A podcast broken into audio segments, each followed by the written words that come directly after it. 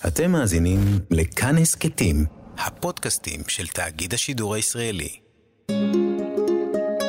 היסטוריה לילדים עם יובל מלכי.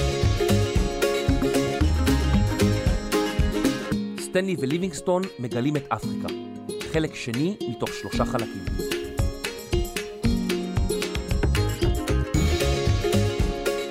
בסוף הפרק הקודם השארנו את הדוקטור ליבינגסטון עייף וחולה באוג'יג'י. הוא ידע כי ימיו ספורים, וקיווה כי אולי חבילה או מסר יגיעו אליו לפני מותו. בעולם לא ידעו היכן הוא. מזה ארבע שנים לא התקבל ממנו אות חיים, ורבים הניחו שהחוקר המהולל מצא את מותו אי שם בג'ונגלים האפריקנים. הנרי מורטון סטנלי נולד בשם ג'ון רולנדס בווילס בשנת 1841. אמו נטשה אותו לאחר לידתו, ואביו נפטר זמן קצר לאחר מכן. הנרי גדל אצל סבו, ומשזה נפטר, נשלח להתגורר בבית מחסה לילדים עניים. זה היה למעשה מין בית מלאכה, שבו הילדים עבדו ודאגו לכך שיהיה להם מזון בצלחת. בגיל 18 היגר הנרי לארצות הברית. באחד הימים פגש בסוחר עשיר שלא היו לו ילדים. הסוחר, הנרי הופ סטנלי, אימץ אותו, וג'ון שינה את שמו להנרי מורטון סטנלי. ישנם היסטוריונים הטוענים כי הנרי בדה את הסיפור הזה, וייתכן שהוא לא נכון. בשנת 1862 הצטרף הנרי לצבא הדרום, כחלק ממלחמת האזרחים של ארצות הברית. הוא נפל בשבי, הצטרף לצבא מדינות הצפון, חלה, שוחרר והצטרף לחיל הים של מדינות הצפון. לאחר המלחמה עבר סטנלי למערב ארצות הברית לצד אלפים אחרים שחיפשו זהב.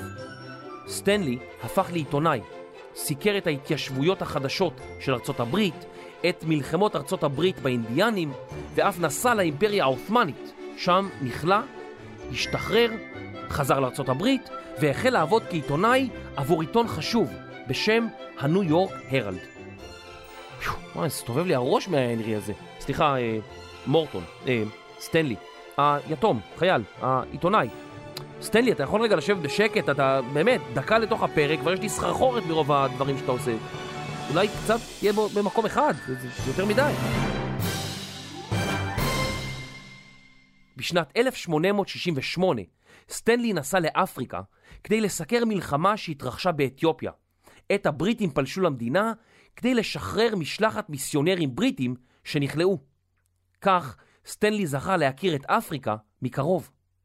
לאחר מכן נסע לספרד כדי לסקר את המהפכה המהוללת שבה הודחה המלכה איזבלה השנייה מכס שלטונה. ואז הגיע מברק. סטנלי היקר, בוא מהר לפריז לפגוש אותי. יש לי משהו ממש ממש מעניין בשבילך. או, מעניין מה זה יכול להיות. אולי, אולי רוצים לשלוח אותי לסקר את גביע העולם בכדורגל. אה, עוד לא המציאו את זה. אה, אולי רוצים לשלוח אותי לאולימפיאדה. אה, זה רק ב-1896, זה לא קיים גם. מעניין לאן רוצים לשלוח אותי. בשנת 1869 נקרא סטנלי לפריז לפגישה דחופה עם עורך העיתון שעבורו עבד. סטנלי התבקש לצאת למשימה מיוחדת לאפריקה כדי למצוא את הדוקטור דיוויד ליבינגסטון, כן כן, אותו ליבינגסטון שעקבותיו נעלמו בפרק הקודם. זאת אומרת, ארבע שנים קודם לכן. זאת הייתה משימה מסוכנת ונועזת, אבל סטנלי הסכים מיד. ברור שהסכמתי. אני לא חושש מכלום דבר. שמי האמצעי הוא סכנה. לא נכון, שמך האמצעי הוא מורטון, הנרי מורטון סטנלי. לא, לא התכוונתי ממש באופן מילואי. אתה מתכוון מילולי, שמפרשים משהו במדויק, כפי שהוא נשמע. מילולי? יש לכם כזה מילה? איזו מילה מצחיק. סליחה אדוני, אתה קצת uh, מילולי. די מורטון, אני אסביר לך. יש תקשורת בלתי מילולית, כמו למשל לחיצת יד, שזה כמו להגיד שלום, רק בלי לדבר. יש למשל אלימות מילולית, שזה קללות. אה, מילולית. אתה כזה מילולית. הראש שלך מלא במילולית. זה חתירת מילה מצחיק.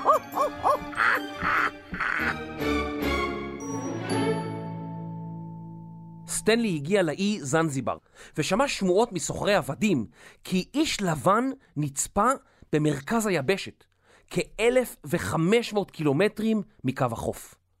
אלה לא היו 1,500 קילומטרים של כביש, אלא ג'ונגלים סבוכים, הרים וגבעות, מישורים לוהטים ללא טיפת צל, חיות טרף, שבטים אוכלי אדם וסוחרי עבדים ערבים קשוחים ומפחידים.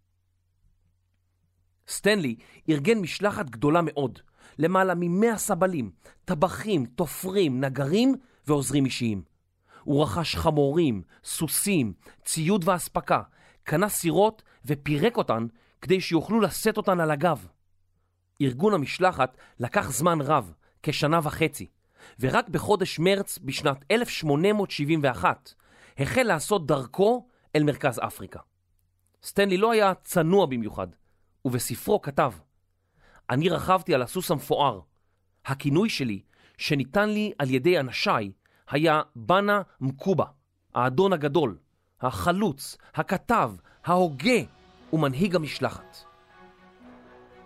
ביוני 1871, שלושה חודשים לאחר תחילת המסע, סטנלי כבר לא היה במיטבו.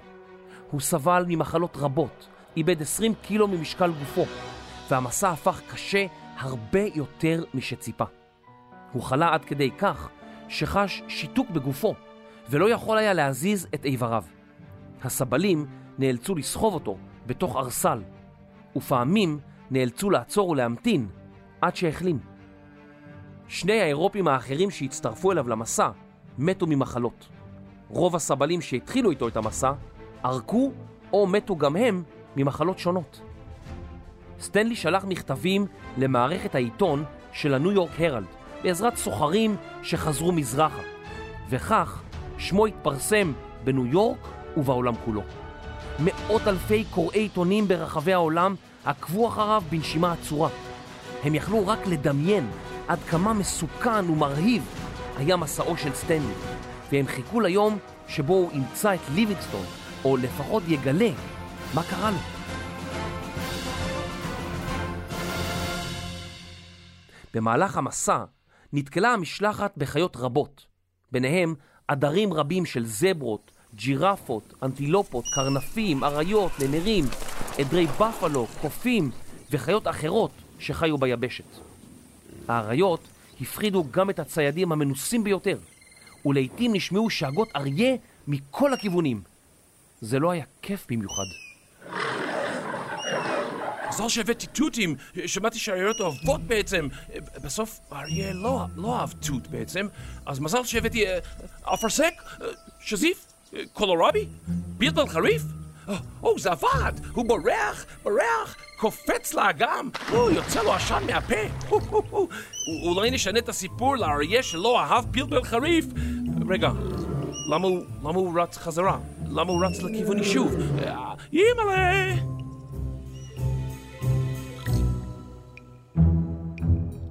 במהלך המסע סיפקו אנשי המשלחת את האוכל שלהם בעצמם. הם כתבו פירות אכילים וצדו חיות שונות. באחד הימים יצא סטנלי לצוד ג'ירפה, ובספרו כתב כי הצטער שנאלץ להרוג את החיה האצילית הזאת, שגובהה היה חמישה מטרים. הוא כתב כי הייתה זאת ברכה לאפריקה, אם חוקרים ומגלים היו יכולים לעשות שימוש בג'ירפות ובזברות. אם היינו יכולים לאלף זברות, כתב סטנלי, מרחק שאנו עוברים בשבעה חודשים, היה לוקח לנו חודש אחד בלבד. לאחר מסע של יותר מ-1,100 קילומטרים, בחודש נובמבר 1871, עלה סטנלי על עקבותיו של ליבינגסטון. הוא שמע על אדם לבן וזקן שנמצא בעיירה אוג'יג'י, בטנזניה של ימינו. המשלחת האצה את קצב הליכתה, מפני שלא רצו שהדוקטור ישמע על המשלחת ואולי יחליט לעזוב או להתחבא. כשהיו במרחק של פחות מ-200 קילומטרים מאוג'יג'י, כבר היו מותשים לגמרי. סטנלי החל לפקפק אם אי פעם ימצא את הדוקטור הזקן. הלו, הלו, למה לדבר לא יפה ככה? למה לא יפה? אמרתי שפיקפקת עם uh, תגיע. שפיקפק? שאני פקפוק? שאתה אמרת שאני פיקפקפוק? מה זה המילה המצחיקה הזאת? אפילו אני לא מצליח להגיד אותה. מורטון, די, נו, מספיק, תהיה רציני. אה, בסדר, אני אהיה רציני, רק תנסה שלוש פעמים להגיד מהר, פיקפקתי. מה הבעיה? פיקפקטו, פיקפוק, פוק, פק, פוק, פוק, פיקפקפוק. אתה רואה? אתה כזה פקפקן שכמוך. או, אתה פיקפוק, פיקפוק גדול.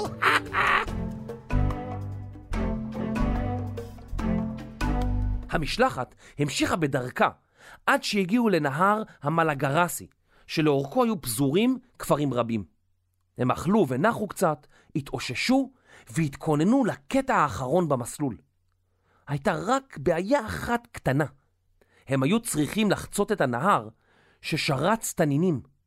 תושבי המקום העבירו את המשלחת על גבי סירות מקומיות, בשעה שהחמורים שחו לצידם. חמורו האהוב של סטנלי נקרא סימבה, אריה בסווהילי, שפה המדוברת בעיקר במזרח אפריקה.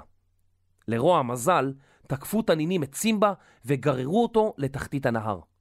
באותו ערב הייתה המשלחת עצובה בגלל חמורם האהוב, וכמעט איש לא דיבר.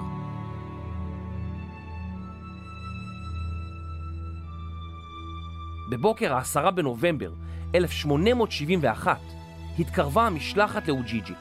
סטנלי פקד להניף את דגל ארצות הברית. החבורה הכריזה על בואה בנגינת חצוצרות וביריות באוויר. תושבי הכפרים הסמוכים ראו מרחוק משלחת גדולה ויצאו לקבל את פניה. אלפי אנשים הקיפו עתה את משלחתו של סטנלי.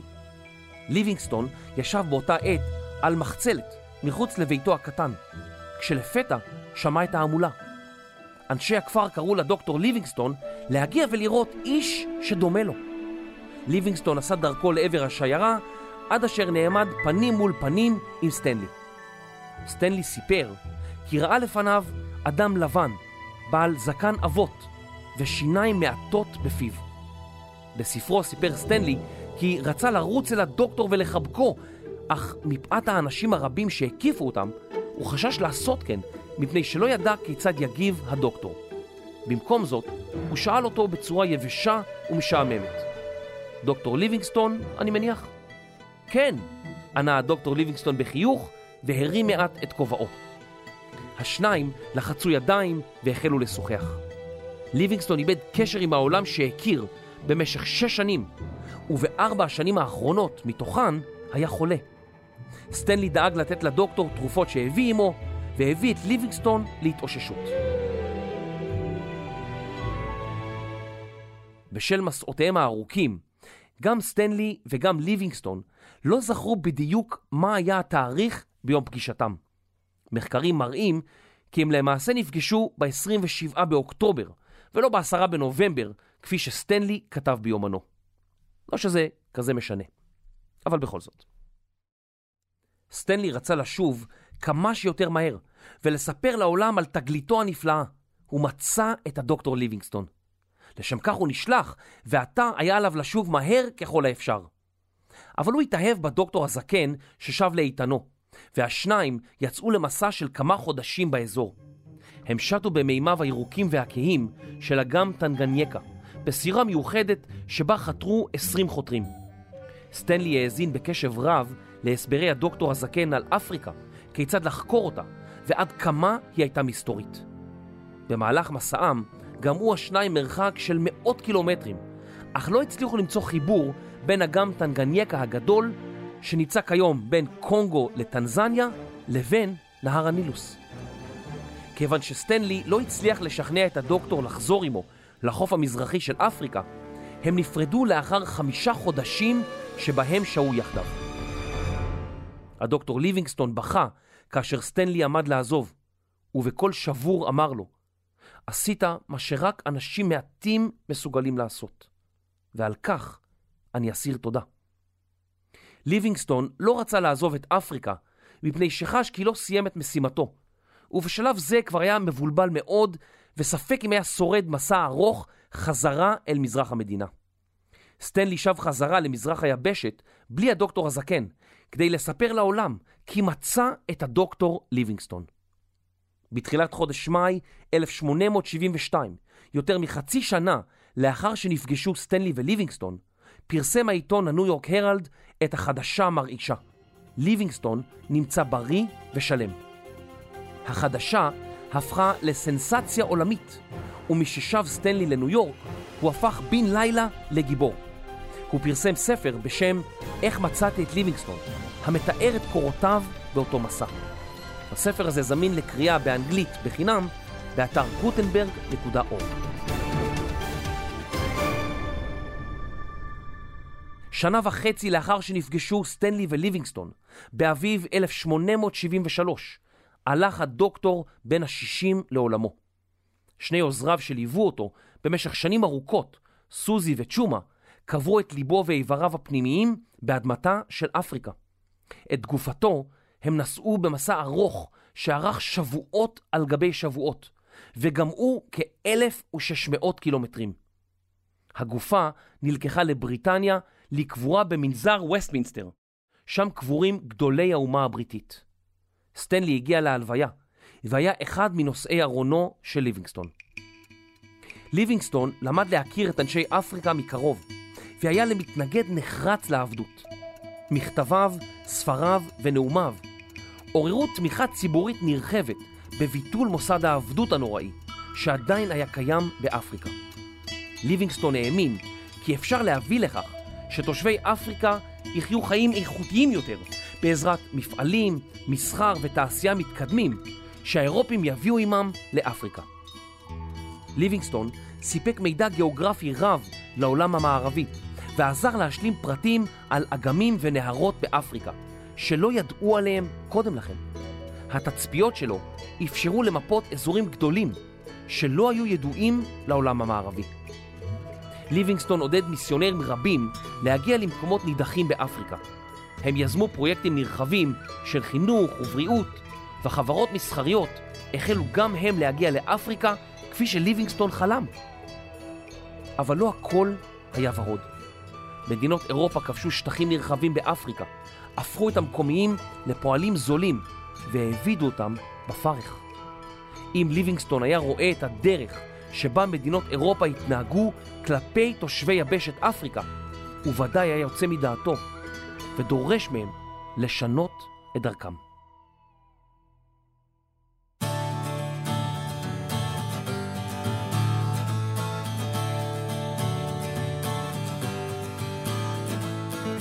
אמנם הדוקטור ליבינגסטון הלך לעולמו, אבל הנרי מורטון סטנלי היה רק בתחילת דרכו. הוא עמד לערוך מסעות נוספים לאפריקה שיהיו אף קשים ומסוכנים מהמסע למציאת ליבינגסטון.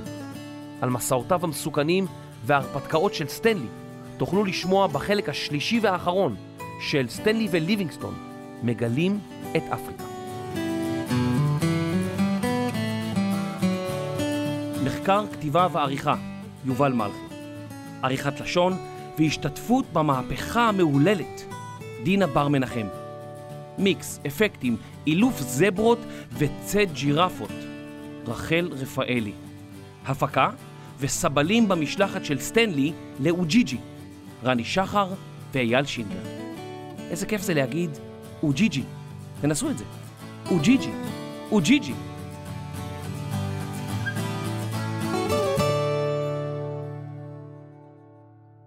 ילדים והורים יקרים, אם אתם אוהבים את ההסכת היסטוריה לילדים, נשמח שתעזרו לנו. דרגו אותנו בכל חנויות האפליקציות, ברשימת הפודקאסטים של אפל, בספוטיפיי ובכל מקום שאתם יכולים לדרג אותנו. רוצים לדבר איתנו? כנסו לקבוצת הטלגרם שלנו, היסטוריה לילדים.